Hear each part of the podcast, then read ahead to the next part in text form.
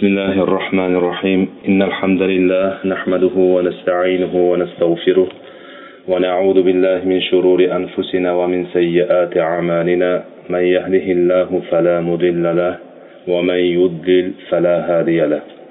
وأشهد أن لا إله إلا الله وحده لا شريك له وأشهد أن محمدا عبده ورسوله. أما بعد bugundan inshaalloh alloh qodir qilganicha payg'ambarimiz sollallohu alayhi vasallamni hadis shariflaridan ba'zi bir narsalarni o'rganishni boshlaymiz inshaalloh. Qo'limizdan kelganicha yetkazishga harakat qilamiz. Bu kitob boshlashimiz hammaga ma'lum bo'lgan ko'p tarqalgan musulmonlarni o'rtasida nafaqat o'zbeklar balki butun islom olamidagi hadis kitoblarida ichida eng ko'p o'qilingan va eng ko'p tarqalgan va eng ko'p sharhlari yozilgan kitob bo'lgan riyozi solihindan boshlaymiz. Riyozi solihin darslari e, o'zbek tilida hozir boshqa e, tolib ilmlar ahli ilmlar tarafdan ham dars bo'lib turibdi bular. Biz endi bu yerda xos dars qilishga ahd qildik inshaalloh. Xos qilishimizdan maqsad bir yozilgan audio kaseta bilan yonida turgan bir kishidan dars olishni o'rtasida katta farq borligini hamma biladi.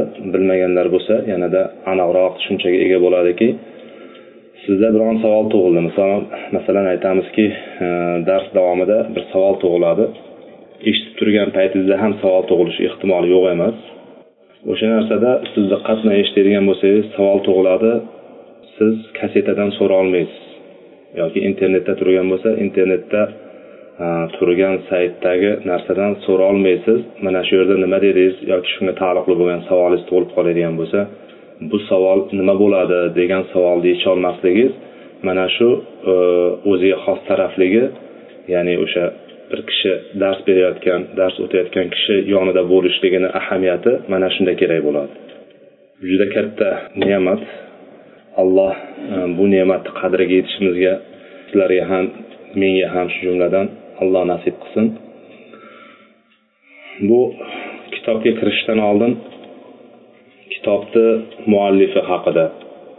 Kitobni kitobni muallifi kim o'zi? Kitob qanday yozilgan? Qachon yozilgan? Va shular haqida ham biroz to'xtalib o'tishni maqsadga muvofiq deb bilaman. Chunki har qanday kitob o'qilar ekan kitob o'qilganda albatta e, o'sha kishi kim bo'lgan? Nima maqsadda yozilgan bu kitob? Va kitob qur'on va hadisga qur'on va sunnatga to'g'ri keladimi yo'qmi? Bu haqda olimlarni bir qancha fikrlari bo'ladi. Mana hozirgi kunda qaraydigan bo'lsangiz kutubxonalar kitob sotadigan joylar hamma tomon kitob to'lib toshib ketdi. Bir zamonlar mana imom navaviy yashagan davrlar bu davr o'rta asrlar hisoblanadi. Milodiy yil bo'yicha bir ming ikki yuz o'ttiz uch bir ming ikki yuz yetmish yettinchi yillar orasida yashagan imom navoiy bu davrlarda hozirgiday bosmaxonalar yoki kompyuterlar bunaqa narsalar bo'lmagan bosmaxonalar bo'lgan lekin bosmaxonalarda nusxa ko'chiruvchilar bo'lgan.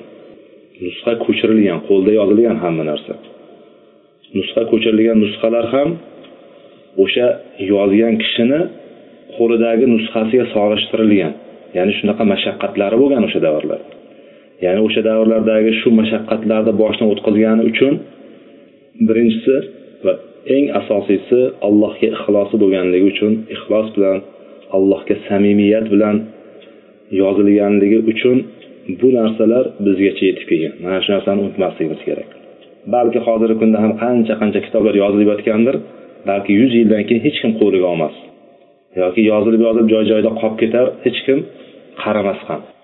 Mana shunga bu riyozi solihin kitobini e, imom navaviy yozgan. Imom navaviy o'zi islom olamida yetuk olimlardan hisoblanadi. Ham fiqh olimlaridan ham hadis olimlaridan hisoblanadi. Bu kishi hijriy hisobda olti yuz o'ttiz birinchi yilda tug'ilgan. Olti yuz o'ttiz birinchi yilda e, navo shahrida tug'ilgan. Bu suriyadagi havron yoki huron degan qishloqni o'sha joyni mintaqani navo degan shahrida tug'ilgan. Shuning uchun o'sha yerga nisbatlangan. Ya'ni o'sha yerlik bizda masalan buxorolik bo'lsa buxoriy deyilgan termizlik bo'lsa termiziy deyilgan toshkentlik bo'lsa toshkentlik bo'lgan. Shunga o'xshagan. Qayerda qaysi hattoki katta joy emas qishloqlarga ham atalgan. Mana bu qishloqqa nisbatlangan bu kishini nasabi. Nasabi emas nisbati. Mansubligi suriyada demak bu kishi suriyada tug'ilgan ekan. Olti yuz o'ttiz bir. Ya'ni milodiy bir ming ikki yuz o'ttiz uch. Ya'ni mo'g'ullarni bosqini ayni avjiga chiqqan eng uchiga chiqqan payti. Mo'g'ul bosqini oyoqqa turib chingizxondan keyin taxtga o'qtoy o'g'li o'qtoy o'tirgan davrlarga to'g'ri keladi. Ya'ni islom olamini sharqiy taraflari ya'ni xorazm davlati ag'darilgan bu tarafi yevropaga qarab qadam bosgan abbosiylar davlati titrab turgan mo'g'ullarni qo'rquv mo'g'ullardan qo'rquvdan titrab turgan paytda o'shanday bir tahlikali davrda tug'ilgan bu kishi. Bu kishini ismi yahyo bo'lgan. Abu zakariyo ya'ni zakariyoning otasi yahyo ibn sharaf. Otasini ismi sharaf bo'lgan ekan shunda. Ya'ni bu yerda to'liq e, ismini keltiribdi. Bizga muhim bo'lgani u kishini laqabi muhiddin bo'lgan ya'ni muhyiddin ya'ni arabchada aytadigan bo'lsak muhyiddin. Dinni tiriltiruvchi dinni yashatuvchi degan ma'noni beradi muhiddin degani bu laqab keyin berilgan. Kunyasi bilamiz katta o'g'liga yoki yaxshi ko'rgan o'g'liga yoki qiziga ham nisbat beriladigan zakariyo abu zakariyo bo'lgan va yahyo ibn sharaf. Bu kishi yahyo ibn sharaf. Lekin yahyo ibn sharaf desa hech kim tanimaydi. Hech kim emas olimlar taniydi bilgan kishilar taniydi. Mana inshaalloh sizlar ham tanib oldlaring lekin hmm, butun ummatni ichida bu kishi navaviy deb tanilgan. Otasi bir do'konda ishlagan ekan. Otasi bir do'konda tijorat bilan shug'ullangan kichkinagina bir do'koni bo'lgan ekan. O'g'li ham o'sha do'konda ishlagan otasini yonida doimiy ishlab yurgan lekin maqsadi o'g'lini ichidagi tuyg'ulari butunlay boshqa bo'lgan. U o'n yoshlarida bobosini yonida ya'ni shu dadasini yonida ishlagan. Ishlab yordam berib tijorat bilan tijorat bilan shug'ullangan yonida yordamchi bo'lgan. Undan keyin balog'atga yetish vaqtida balog'atga yetgan paytda qur'onni hatm qilgan. Endi balog'at yoshini e, bilmadim endi bitta yosh bermagan. Balog'at yoshida balog'at yoshiga kelgan paytda qur'onni hatm qilgan ya'ni qur'onni to'liq yodlagan deb bergan. Keyin bu kishi qur'onni ta'lim oladi damashqqa boradi.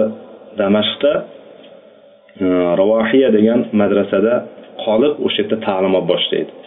Hayot hammasi o'sha kundan boshlanadi. Hayotini hammasi mana shu kundan boshlanadi. Ya'ni o'n to'qqiz yosh bo'ladi shunda bola.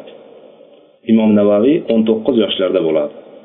Shundan o'zini gaplaridan va u kishini yonidagilarni e, guvohliklaridan aytilganda u kishi bundan keyin o'sha maktablarda o'sha madrasasida biron bir ya'ni kengchilik bo'lmagan. Ya'ni ularda shunaqa bir tarbiya berilganki deydi yeydigan narsaga ham shunaqa cheklangan deydi.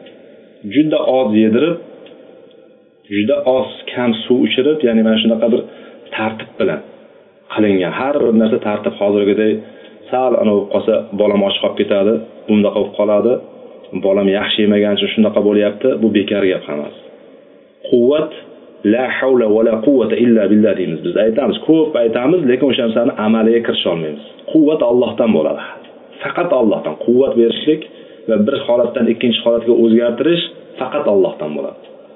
Mana bular bir kunda bir martagina shunda ham non yegan ekan. Bir kunda bir mahal yegan. Mana shu hayoti deydi talabalik kunlarida mana shu hayotga o'rgangani buni umrini oxirigacha qolgan. Umrini oxirigacha qolgan. Ertalab suvni bir marta ichar ekan ertalab ichar ekan bir mahal taomlanar ekan taom mana shu bilan hayotini o'tkazgan bu kishi. Qolgan umrini o'n to'qqiz yoshdan boshlab turib shu dinga berilib ilmga berilgan bo'lsa damashqdagi o'sha e, ravohiya madrasasida ta'limini davomiga yetkazdi deydi. Bu kishi o'sha davrlarda ya'ni dars olar ekan o'sha yerda dars olish davomida umuman uxlamas ekan. Ya'ni uxlamadi degani haqiqatdan bir narsaga bir mashaqqat bir harakat bir narsa sarflanadiki orqasidan natija keladi. Ya'ni bu hozir bu kishini hayotini ozgina oxirrog'iga yetgan paytimizda bu narsaga xulosa yasaysizlar o'zlaringiz ya'ni shunday narsaki bu kishi uxlagan paytda kechalari kitoblarini ustiga o'qilar ekan. Ya'ni o'tirgan holatda kitoblariga boshini qo'yib turib ozgina mizg'ib olar ekan ya'ni. Yotib to'shak ko'rmasdan uxlagan yani to'shak ko'rmagan yotib ya'ni cho'zilib bizga o'xshab issiq o'rinlarda yotib kerak bo'lsa bomdodlarga uxlab uxlab qolib bo'lmagan bu holatlar. Mana shu bilan undan keyin ma'lum vaqtdan keyin e, otasi bilan birga hajga borib o'sha hajga borganda madinada qoladi bu kishi. Madinada qolib o'sha yerdagi olimlardan dars oladi va dars olishi mana shu tartibda ketma ketlikda ya'ni o'sha paytdagi eng yetuk olimlardan hadis ilmini mazhabdagi shofiy mazhabida bo'lgan bu kishi mazhabdagi ilmlarni hammasini oladi. Ya'ni bizga qisqacha bu kishidan ma'lumot olganimiz hozir mana eng katta olgan narsalarimizdan bittasi bu kishi ilmga butun g'ayratini butun kuchini ilmga bergan. Butun kuchini ilmga berganidan hmm, bu kishi mana shu darajaga yetdiki e, hattoki shu uylanishga ham vaqt topmadi deydi olimlar. Uylanmasdan o'tgan kishi bitta olimlarimizdan bittasi mana shu kishi hisoblanadi. Uylanmasdan o'tgan. E, uylanmasdan ya'ni o'sha e, uylanishdagi ehtiyoji ilm bilan sinib qolgan kishilardan bittasi hisoblanadi. Bu kishi bir kunda shayxlaridan o'n ikkita dars olar ekan. Bir kunda yigirma to'rt soat bo'ladigan bo'lsa o'n ikkita dars eshitar ekan. o'n ikkita dars olar ekan va o'sha yerda e, o'n ikkita darsni o'zlashtirar ekan har kuni. E, oxirgi o'n olti yilda ba'zilar oxirgi yigirma yilda e, degan gaplarni ham aytadi. Ya'ni shu o'n to'qqiz yoshida ilm olishni boshlagan bo'lsa o'n to'qqiz yoshida qirq besh yoshga yashagan bu kishi. Ya'ni yigirma yil ilm bilan mustahkam ilmga kirishgan va yigirma yil boshini ko'tarmasdan o'qigan o'sha yerda boshini ko'tarmasdan ustozlarni qo'ymasdan hattoki vaqti kelib ustozlari bunga shogird qo'l bo'lish darajasiga yetgan.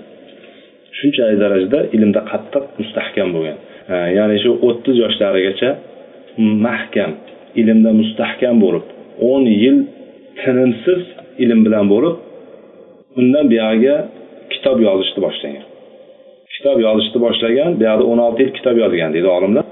o'n olti yil yozgan kitoblari ellikdan ortiq kitob yozgan yani katta katta kitoblar haligacha islom olamida mo'tabar sanalgan kitoblar. Bu kitoblarni hozir ham olimlar aytishadiki buni hayotiga inson tasavvur qilish qiyin bo'lgan holat deydi. Ya'ni boya aytganimdek qo'lda yozilgan hammasi bosmaxonalar bo'lmagan ya'ni bir xato yoki bir joyi e, noto'g'ri bo'lib qoladigan bo'lsa qog'ozlar tashlashga to'g'ri kelinadi boshqa qilinadi.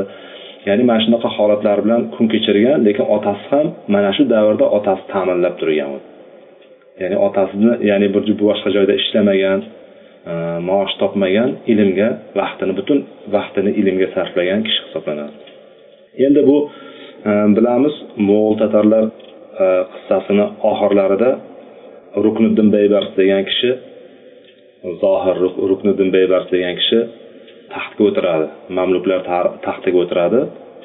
Va o'sha mo'g'ullarni qolganlarini bilan kurashish bilan va e, shu salibchilar o'sha paytdagi salibchilar juda keng tarqalgan salibchilarni ancha tanobini tortib qo'ygan kishi hisoblanadi. O'sha kishi sulton bo'lgan paytida podsho mamluklarni podshosi bo'lib turgan paytda bu kishi ayni o'sha paytga to'g'ri keladi.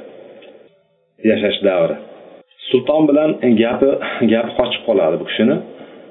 Gap qochib qoladi deganimiz ya'ni bu kishi amri ma'ruf nahiy munkar yo'lida yuzing ko'zing bor demagan. Ya'ni amri ma'ruf nahiy munkarni podsholarga ham amirlarga ham qo'mondonlarga ham tik aytadigan kishilardan biri bo'lgan imom navoiy bu kishi bilan e, ikkalasini o'rtasida kelishmay qolgan narsa bu kishi ya'ni rukniddin beybars xalqqa katta soliq soladi.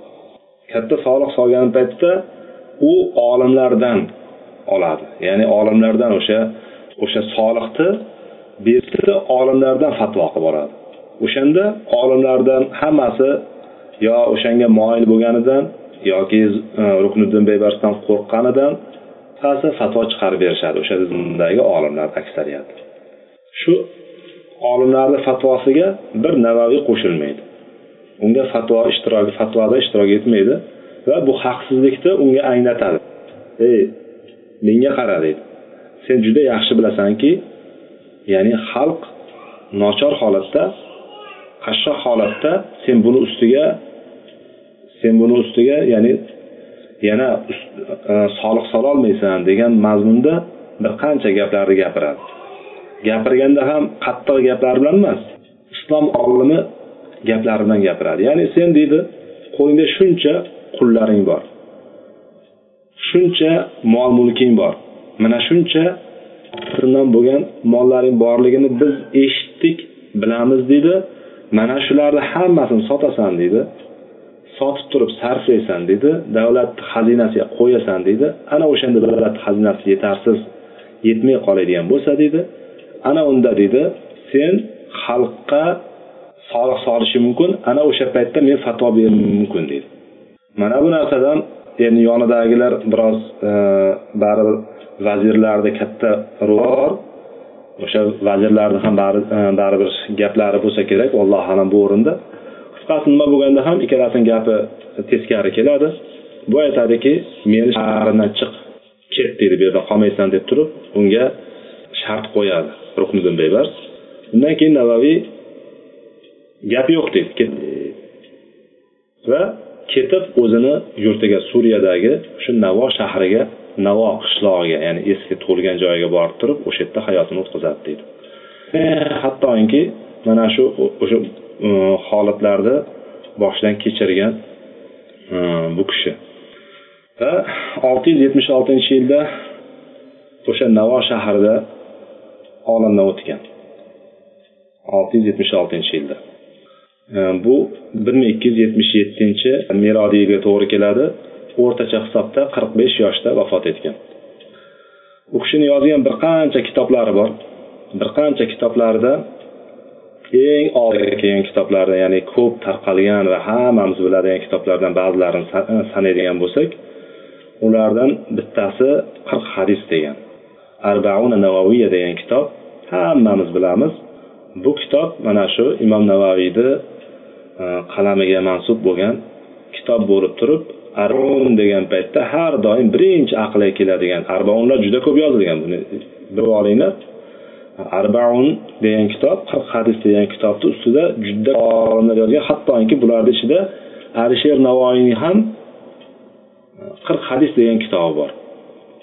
Ya'ni bu kitoblarni qirq hadis kitoblarini ichida eng ko'p o'qilingan va eng ko'p sharh yozilgani va eng qirq hadis desa birinchi o'rinda aqlga keladigani bu imom navaviyni kitobi hisoblanadi. Undan keyin hadis e, usullari haqida fiqhiy mazhablar haqida sharhlar boshqa ular juda ko'p yozganni ichida biz bilganlarimizdan yana mashhurlardan al azkor kitobi.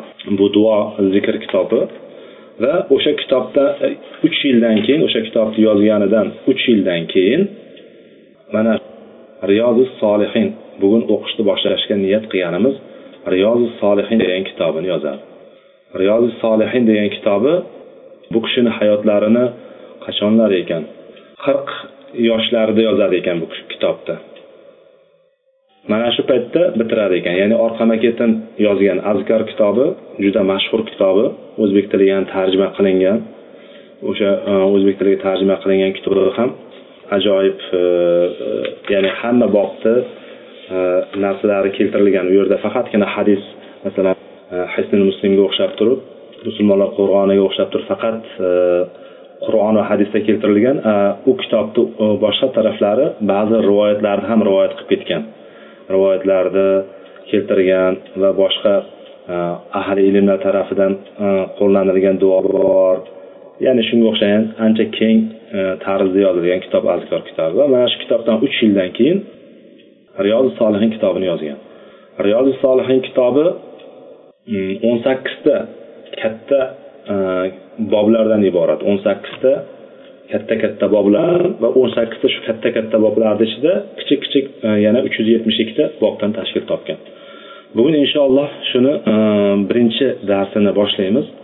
Bu darsni o'ziga xos taraflari bu kitobni o'ziga xos taraflari imom navaviy birinchi o'rinda hadislarni imkon xalq o'rtasida tarqalgan oltita kitobdan sahih kitoblardan olishga harakat qilgan. Eng birinchi tasir mana shu. Hamma tanigan kitoblardan ya'ni hammaga tanilgan kitoblarni ichidan tanlab olgan. Va ularni oxirgi roviylarini rivoyat qilgan.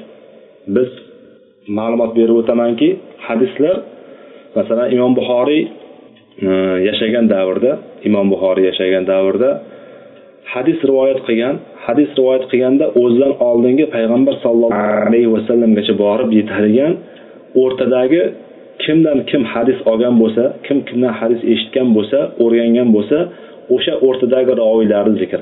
Imom buxoriy o'rtacha yo to'rtinchi yo beshinchi bo'lgan o'rtachasi. Oltitalik rivoyatlar ham bor uchtalik eng qisqasi rivoyatlar ham bor.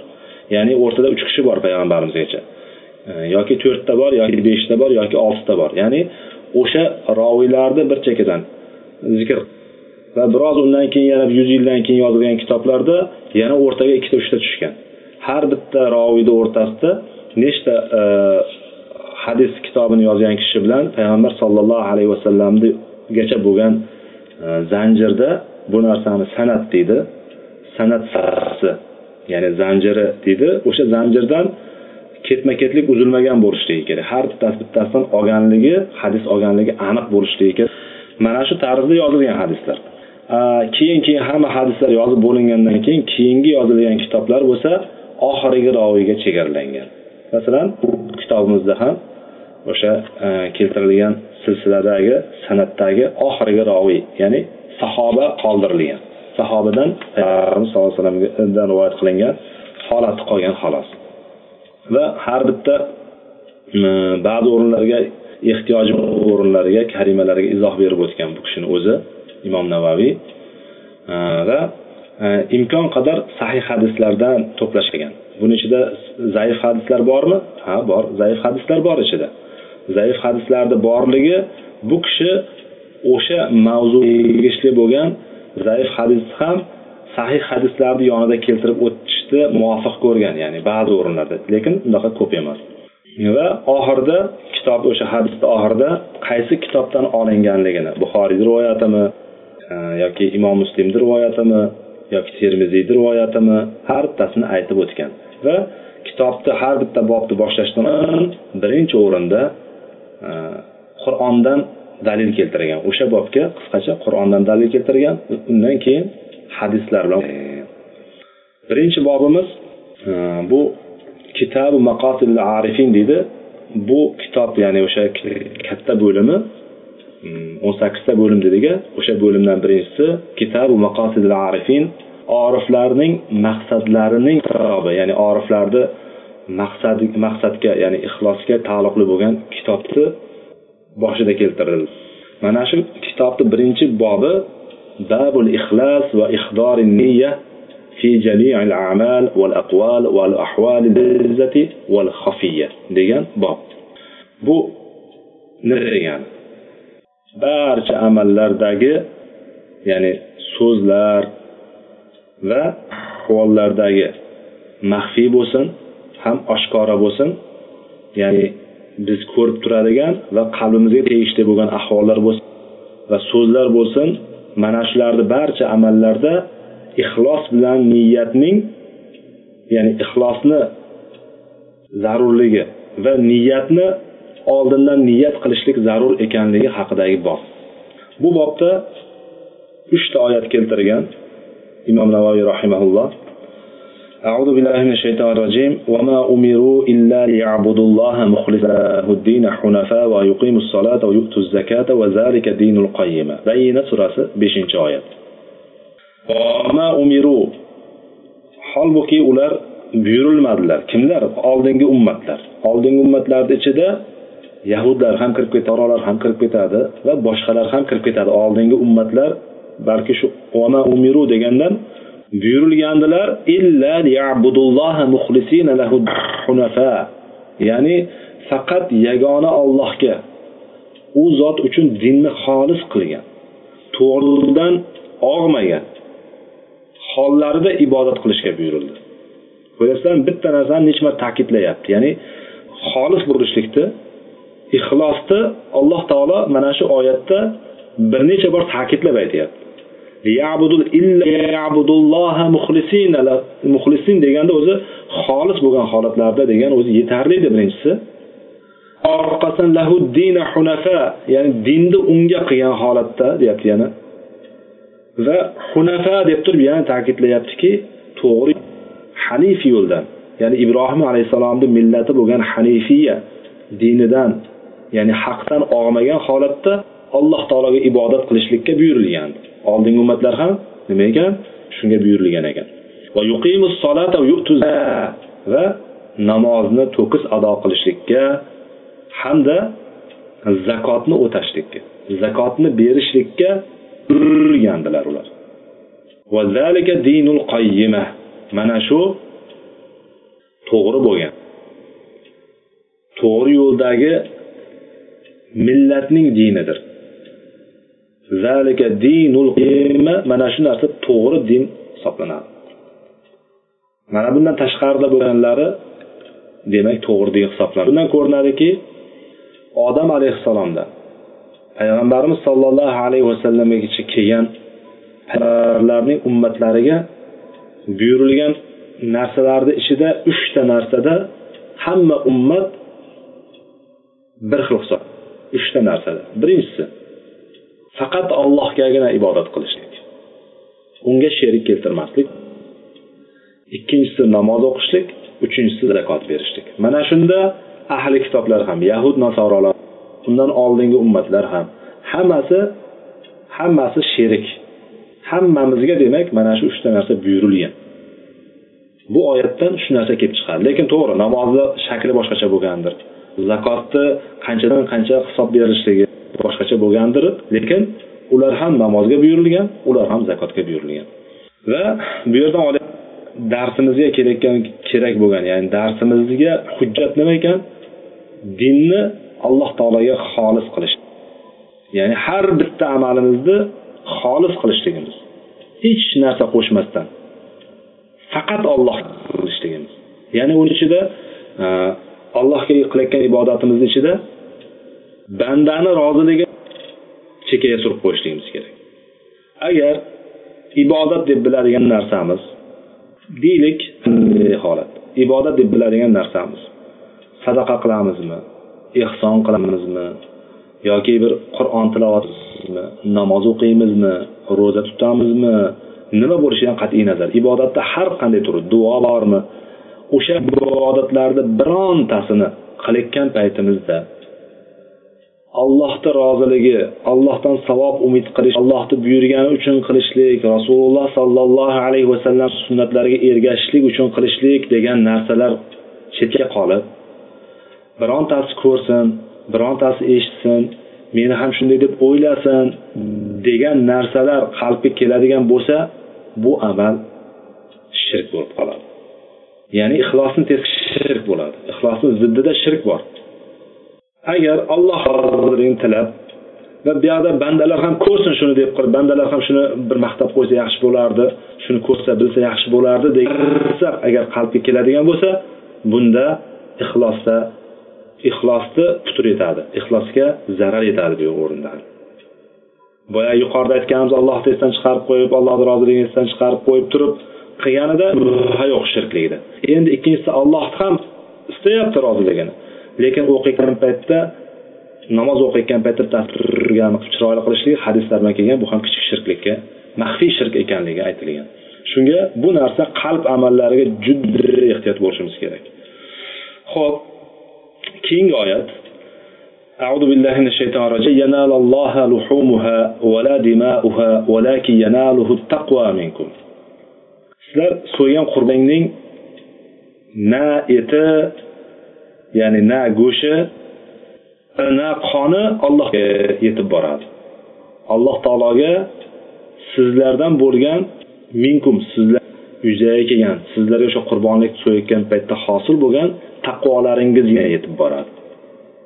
Chunki hammamiz qurbonlik so'ygandan keyin qoni qayerga oqadi yerga oqib ketadi. Qoni najas deb ko'mib tashlaymiz ustidan suv qo'yamiz qoni qayerga ketyapti? Yerga ketyapti.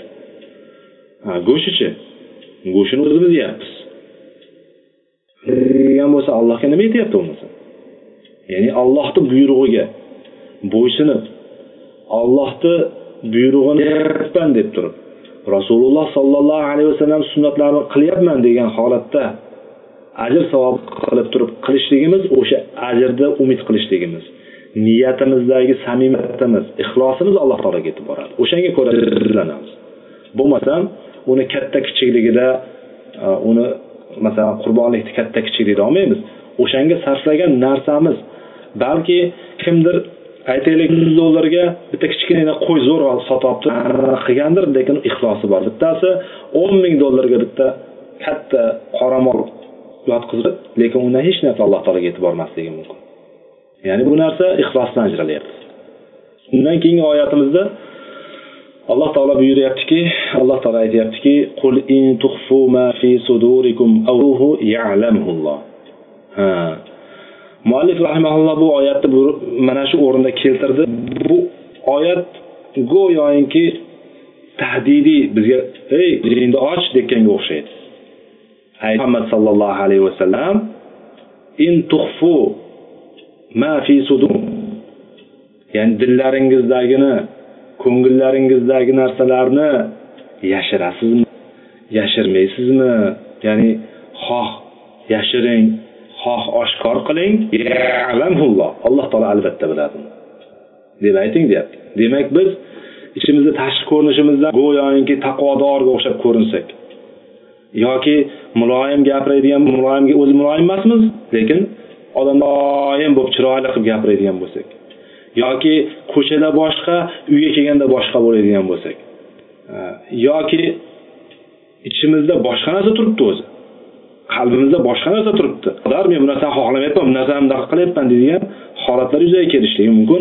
Mana bu holatlarda demak alloh taolo biluvchi ekanligini qalblarimizni ichida ko'kslarimizni ichida yashirinib yotgan narsa o'ylarimizni xayollarimizni ham bilishligini agar biz uni oshkor qilsak ham yashirib tursak ham alloh taolo ekanligini bilishligi bilishligimiz go'yoki tahdidga o'xshaydi bizga.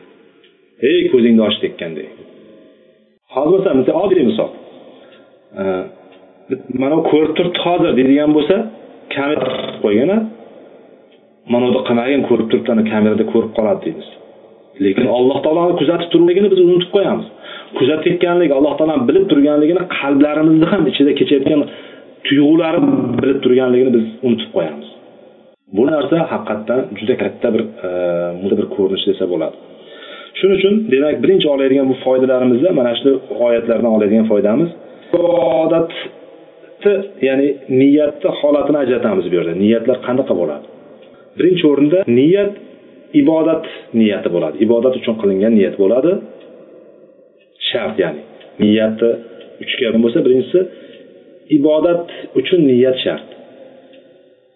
Niyat olloh uchun bo'lishi demak birinchisi ibodat qilyapman. Misol deylik namoz o'qimoqchiman. Keldim namoz uchun niyat qilyapman. Qalbimdan o'tkazyapman niyat. Hali undan keyingi hadisda bu narsani tushunib olamiz niyat qaramal ekanligini.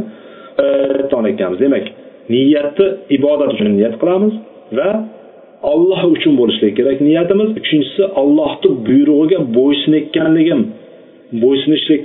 Ya'ni ollohni buyurdi alloh yoki rasululloh sollallohu alayhi vasallam buyurdi yoki rasululloh sollallohu alayhi vasallam sunnatlari allohni roziligi degan narsadan narsaga bo'ysungan holatdagi o'sha bo'ysunishlikka bo'lgan niyat. Mana shu uchta narsani jamlasa insonni niyat bo'lar ekan. Hop. Endi hadisga o'tamiz. Birinchi hadisimiz bugun بسم الله الرحمن الرحيم المؤمنين أبي حفص عمر بن الخطاب ابن نفيل بن عبد العزى ابن ابن عبد الله ابن قرط ابن رزاح ابن عدي كعب ابن لؤي ابن غالب القرشي العدوي رضي الله عنه قال سمعت رسول الله صلى الله عليه وسلم يقول إنما الأعمال بالنيات وإنما لكل امرئ ما نوى. فمن كانت هجرته إلى الله ورسوله فهجرته إلى ورسوله. ومن كانت هجرته لدنيا يصيبها أو امرأة ينكحها فهجرة إلى ما هاجر إليه. متفق على صحته.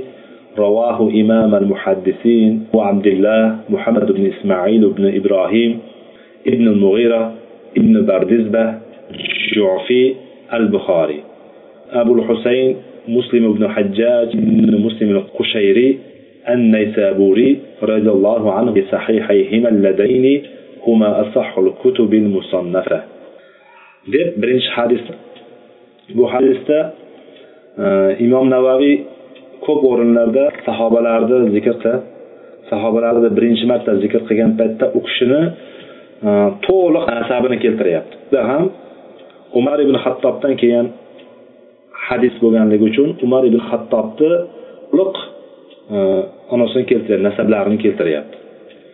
Nasablarni qayta zikr qilib o'tmaymiz to'xtagan narsamiz amirul mo'minin mo'minlarning amiri.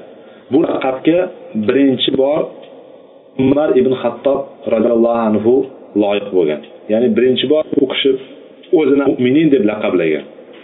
Ikkinchi xalifamiz bo'lganligi uchun u kishi o'zini undan oldin abu bakr roziyallohu anhu o'zlarini o'zlarini xalifatu rasulilloh deb turib ataganlar ya'ni payg'ambarning xalifasi laqablagan bo'lsa umar roziyallohu anhu men xalifalikka loyiqmanmi loyiq emasmanmi? deb mo'minlarning amiri deb turib o'ziga laqab qo'ygan. Shuning uchun qayerda birinchi bor zikr qilingan bo'lsa umar ya'ni tarix sahifalariga shu bugungacha va qiyomatgacha qoladigan laqabi amirul mo'min birinchi bor umar ibnga qo'yilgan.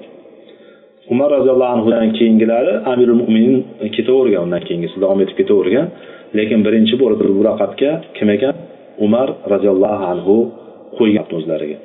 Undan keyingisi o'zlariga qo'ygan xuddi laqab ko'rinishda bo'lgan abu hafs. Hafsning otasi. Lekin o'g'illari bo'lgan abdulloh degan. Abu abdulloh emas abu hafs degan. Hafs degan o'g'illari ham qizlari ham bo'lmagan. Qizlari abu hafsa bo'lgan. Hafs emas hafsa. Hafs degani o'zi sherning bolasi degani. Lug'aviy ma'nosi bolasi degani. Ya'ni abu hafs bo'lguncha sherning otasi degani. U kishini shunaqa qattiq qo'lligidan shijoatli ekanliklaridan mana shu laqabni olgan deblar aytishadi. U kishini keskin bo'lganligi shiddatli bo'lganligi jasoratli bo'lganligi jur'atlanligi qattiqqo'l bo'lganligi mana shu tabiatlariga ko'ra abu hafs ya'ni sherning otasi arslon deganida ya'ni boshqacha qilib aytganda arslon degan. Umar ibn hattob o'g'li umar roziyallohu anhu bu kishi rivoyat qilib aytadi sollallohu alayhi vasallamni shunday deyayotganlarini men eshitdim bu kishi. U kishi aytdilarki rasululloh sollallohu alayhi vasallam albatta amallar niyatlar bilandir. Ya'ni niyatlardan e'tiborli bo'ladi. Niyat qabul bo'ladi niyatlar bilan ya'ni o'zi o'rnini topadi amallar. Qilgan niyati uchun ya'ni har bir kishi qilgan niyati uchun bir narsaga ya'ni savobga yoki mukofotga yoki jazoga erishadi. Qilgan niyatiga yarasha narsa oladi. Kimning hijrati endi bu yerda davomida izoh bo'lyapti. Hali yana buni tarjimasini qilgandan keyin biroz sharhga kirish. Inshaalloh kimni hijrati olloh va rasuli uchun bo'ladigan bo'lsa uning hijrati olloh uchun bo'libdi. Ya'ni kimni hijrati olloh va rasulidan ya'ni ollohni rozi qilish rasulullohni amrlariga rasulullohni huzurlariga yetib borishlik u kishini xursand qilib ya'ni o'sha paytda rasululloh tiriklik paytlaridagi narsa bu. Shuning uchun bo'ladigan bo'lsa uning olloh va rasulining zimmasidadir ya'ni alloh taolo unga savobini beradi. Kimning hijrati unga yetadigan dunyo uchun ya'ni bir dunyo topish uchun dunyoni qo'lga kiritish uchun bo'ladigan bo'lsa yo biror bitta xotinga uylanishlik uchun bo'ladigan bo'lsa. Hadis sharhida shu ya'ni e, tarjimasida. Bir ayolga uylanishlik uchun bo'ladigan bo'lsa uning hijrati nimaga qilgan bo'lsa nimaga niyat qilgan bo'lsa o'sha narsa uchun bo'ladi dedilar payg'ambar sallallohu alayhi vasallam. Bu hadisni rivoyat qilgan muhaddislarning ikki imomi. Muhaddislarning shayxlari muhaddislarning ustozlari bo'lgan e, abdulloh muhammad ibn ismoil ibn ibrohim deyapti. Ya'ni bu buxoriyning nasablarini to'liq zikr qilyapti bu yerda. Buxoriyni e, otasini ismi otalarini otalarini otalarini qayerga nisbatlanganligini hammasini bitta joyga keltiryapti. Ya'ni bundan keyin buxoriy deb ketadi. Lekin birinchi marta zikr qilayotganligi uchun buxoriy va muslimning hadis olamida islom olamida o'rni bo'lganligi uchun bu kishi to'liq zikr qilyapti. Demak imom buxoriyloh bo'lgan. Kunyalari ismi muhammad bo'lgan otasini ismi bo'lgan. Muhammad ibn ismoil bo'lgan ya'ni. Muhammad bo'lgan ismlari e, otalarini ismi ismoil bo'lgan. Bobolarini ismi ibrohim bo'lgan mug'iro bo'lgan va u kishini nisbatlar ikkita nisbat berilgan. Ikkita nisbatdan jufiy degani bor. Jufiy degan laqabni olgan e, nisbani olgan va buxoriy degan mansublikni olgan. Bu kishi buxorodan bo'lgan. Keyingisi abul husayn. Ya'ni husaynning otasi muslim. Imom muslimning bu kishi abu husayn deb atalgan ekan. Laqabi muslim ibn hajjoj hajjojning o'g'li. Bobosi u kishi qushayriy bo'lgan va nisoburiy ya'ni eronlik bo'lgan. Hozirgi kundagi joyimizdan bu kishi. Hozirgi kunda shiyalarni makoni bo'lgan sunniylarga qarshi kurashib turgan mana shu o'rindan chiqib kelgan olim bo'ladi. Shopur shahridan mashq qilgan ekan. Bu hadis endi bu ya'ni mana shu e, niyat ixlosni har bir amal ixlosni shart ekanligi har bir amalda niyatni qilish ekanligiga eng birinchi hadislarimizdan eng asosiy hadislarimizdan hisob.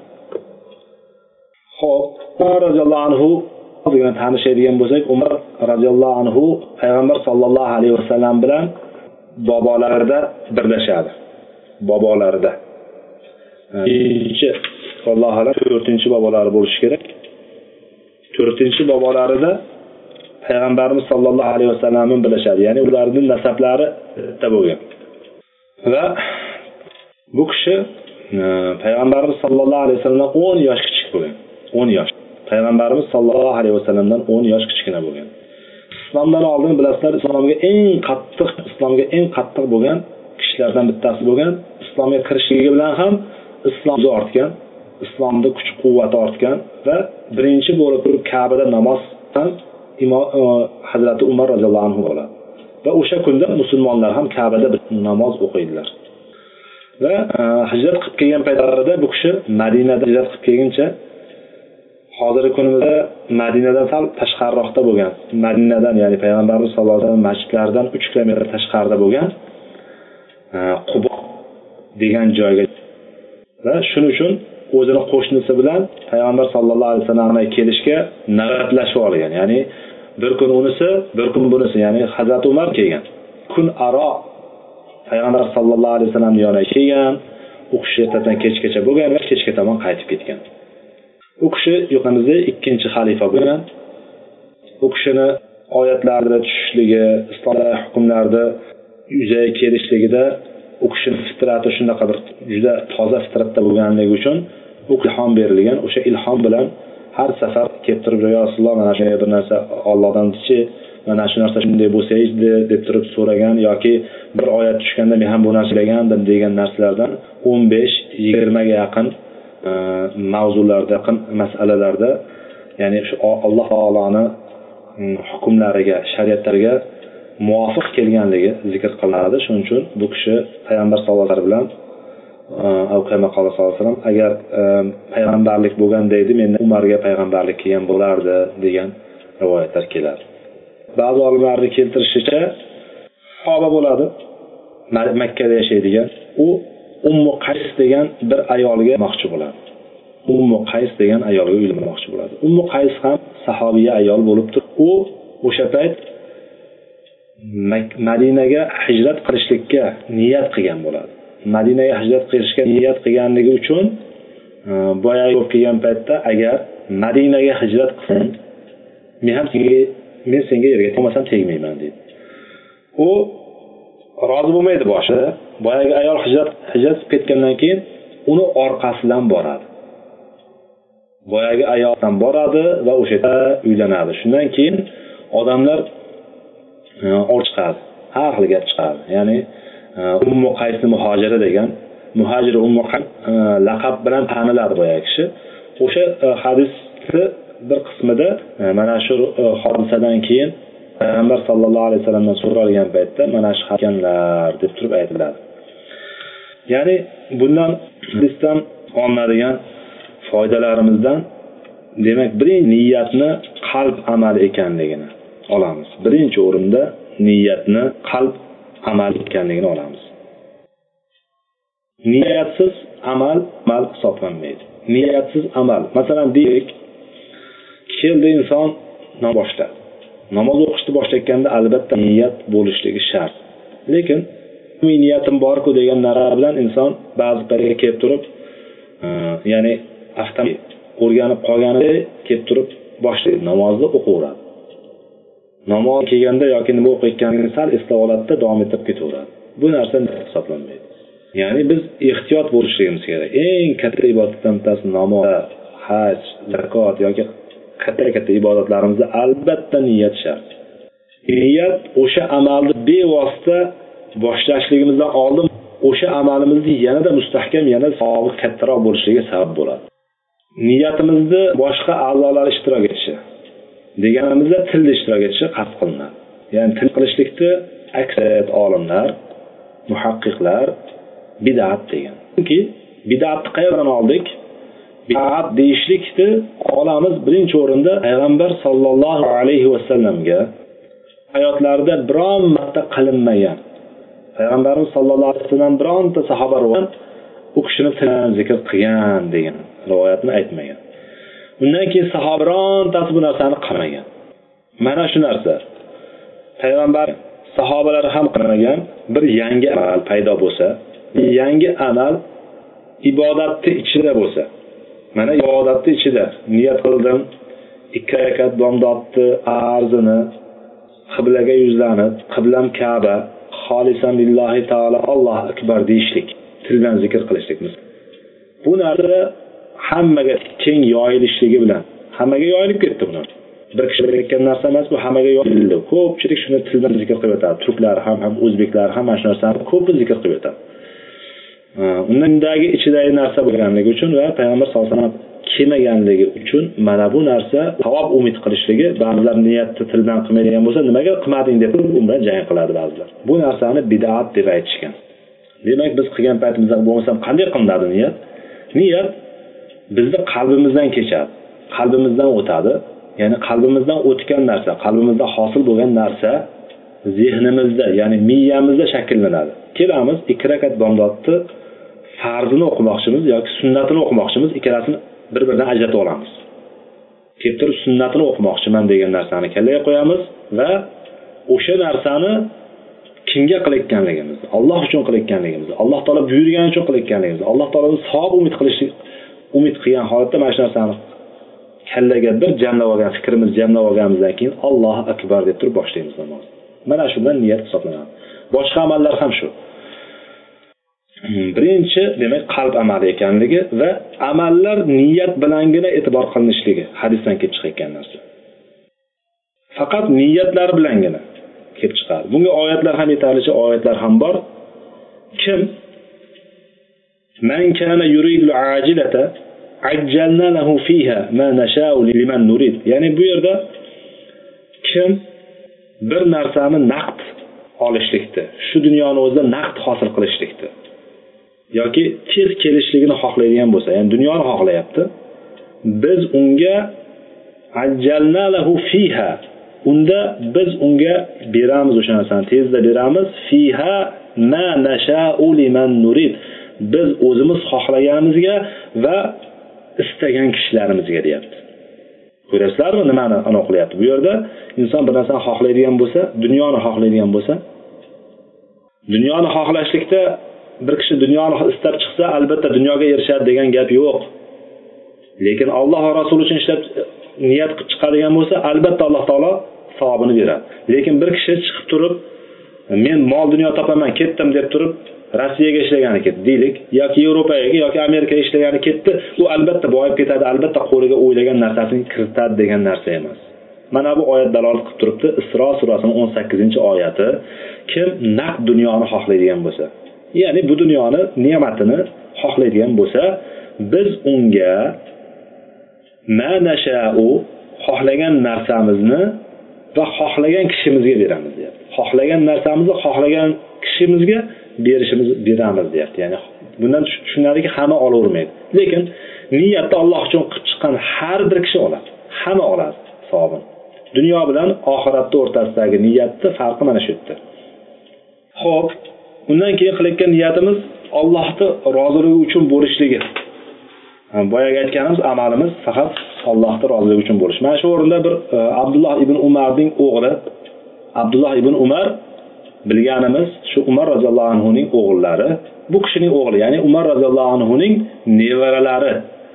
Madinadagi yetti faqih o'sha davrdagi yetti faqihni ya'ni faqih olimlarni bittasi bo'lgan solim bo'lgan. Solim degan nevarasi bo'lgan umar roziyallohu anhu abdullohni o'g'illari. Bu kishi xalifa ibn umar ibn abdul azizga umar ibn abdulaziz bu bir yuz ikkinchi yilda o'lgan. Boyagi ikki yil xalifalik qilib turib butun o'sha xilofat davrida musulmon o'lkalarini xayri barakatga to'ldirib yuborgan odamlar zakotini berishga qo'lda ko'tarib yurib topolmagan e, shunaqa adolatni qilgan kishi bo'ladi umar ibn abdulaziz bu kishini xalifalik davrida o'sha xalifaga umar ibn abdulazizga solim ibn abdulloh xat yozgan ekan. Xat yozganda shuni yaxshi bilginki juda yaxshi bilginki alloh taolo quliga yordamini beradi. Nimaga ko'ra? Qulining niyatiga qarab qulining niyati qancha bo'lsa alloh taoloning quliga yordami shuncha bo'ladi degan ekan. Juda qattiq e'tibor bering yaxshilab tushunib olinglar. Biz nimani niyat qiladigan bo'lsak qanchalik niyat qiladigan bo'lsak alloh taolo faqat o'shani beradi undan ortig'ini bermaydi. Kimni niyati mukammal bo'ladigan bo'lsa ollohning yordami ham unga mukammal bo'ladi ya'ni keng bo'ladi. Niyati qancha nuqsonli bo'lsa niyati qancha kam bo'ladigan bo'lsa alloh taoloning yordami ham o'shanchaga kamayadi. Ya'ni e, alloh taolo bandamning gumonidaman degan hadisni bu kishi sharhlab aytyapti mana. Shuni yaxshi bilginki alloh taolo quliga yordamini qulini niyatiga ko'ra yarasha beradi. Kimni niyati mukammal bo'ladigan bo'lsa keng bo'ladigan bo'lsa to'liq bo'ladigan bo'lsa alloh taolo unga yordamini mukammal to'liq beradi. Kimni niyati oz bo'ladigan bo'lsa niyati nuqsonli bo'ladigan bo'lsa nomigagina niyat qilib yurgan bo'lsa alloh taolo ham o'shanga yarasha niyatini o'sha niyatiga yarasha narsa beradi deb turib marhamat qilgan ekan. Demak shuning uchun biz qilayotgan niyatlarimizga juda katta e'tibor berishligimiz kerak. Niyatlarimizni to'g'ri qilishni o'rganishligimiz kerak. Niyatlar uchun xos o'tiradigan olimlarni niyatlarni har bir amaldan ko'zlagan maqsadi uchun e, o'shani o'rgatadigan olimlar bo'lishligini orzu qilardim degan salaflarimizdan olimlar o'tgan. Shuning uchun niyat birinchi o'rinda niyatga juda katta e'tibor berishligimiz kerak ekan. Niyat qalb amali unga bironta amal bironta a'zo aralashmaydi ekan. Har bir niyatim amalga niyatni shart qilishimiz kerak ekan. Hattoki oddiy odatlar bo'lgan. Masalan yeyotgan ovqatimiz. Ko'pimiz bismillah deymiz to'g'ri alhamdulillah sunnat. Bismillah deb turib o'ylamasdan yeymiz. Lekin o'sha niyatni to'g'ri o'sha yerda ham niyatni qo'shsak oddiy oddiy odat muboh amal bu. Bunga savob ham olmaymiz gunoh ham olmaymiz. Lekin o'sha yeb turgan narsamizni mana shu yekkan narsam menga quvvat bo'lsin namoz o'qiyman. Quvvat bo'lsin e, qur'on o'qiyman. Quvvat bo'lsin allohni yo'lida xizmat qilaman degan narsani niyatdan bir bor o'tishligidan o'sha narsa ibodatga aylanadi. Uxlayotgan kishi charchadim toliqdim haqiqatdan. Bu narsa bir yotib turib dam olay shu bilan menga quvvat bo'lsin deyishligi bilan bu nima bo'lar ekan? Bu bilan ibodatga aylanadi ekan. Ibodat bo'ladigan bo'lsa ibodat savobini to'liq olishligi mana shu niyat sababchi bo'lar ekan. Endi bu yerda hijrat mavzulari bor ekan. Hijrat mavzulari vaqtimiz cho'zilib qoldi biroz. Hijrat mavzularini allohu alam keyingi darsga yana shu hadisni davomida hijratga tegishli bo'lgan ba'zi bir narsalarda hukmlarni aytib keyingi hadisni davom ettiramiz. Subhanakallohumma bihamdik ashhadu an la ilaha illa anta astag'firuka va atubu ilayk. Va axiru da'wana anil hamdulillahi robbil alamin.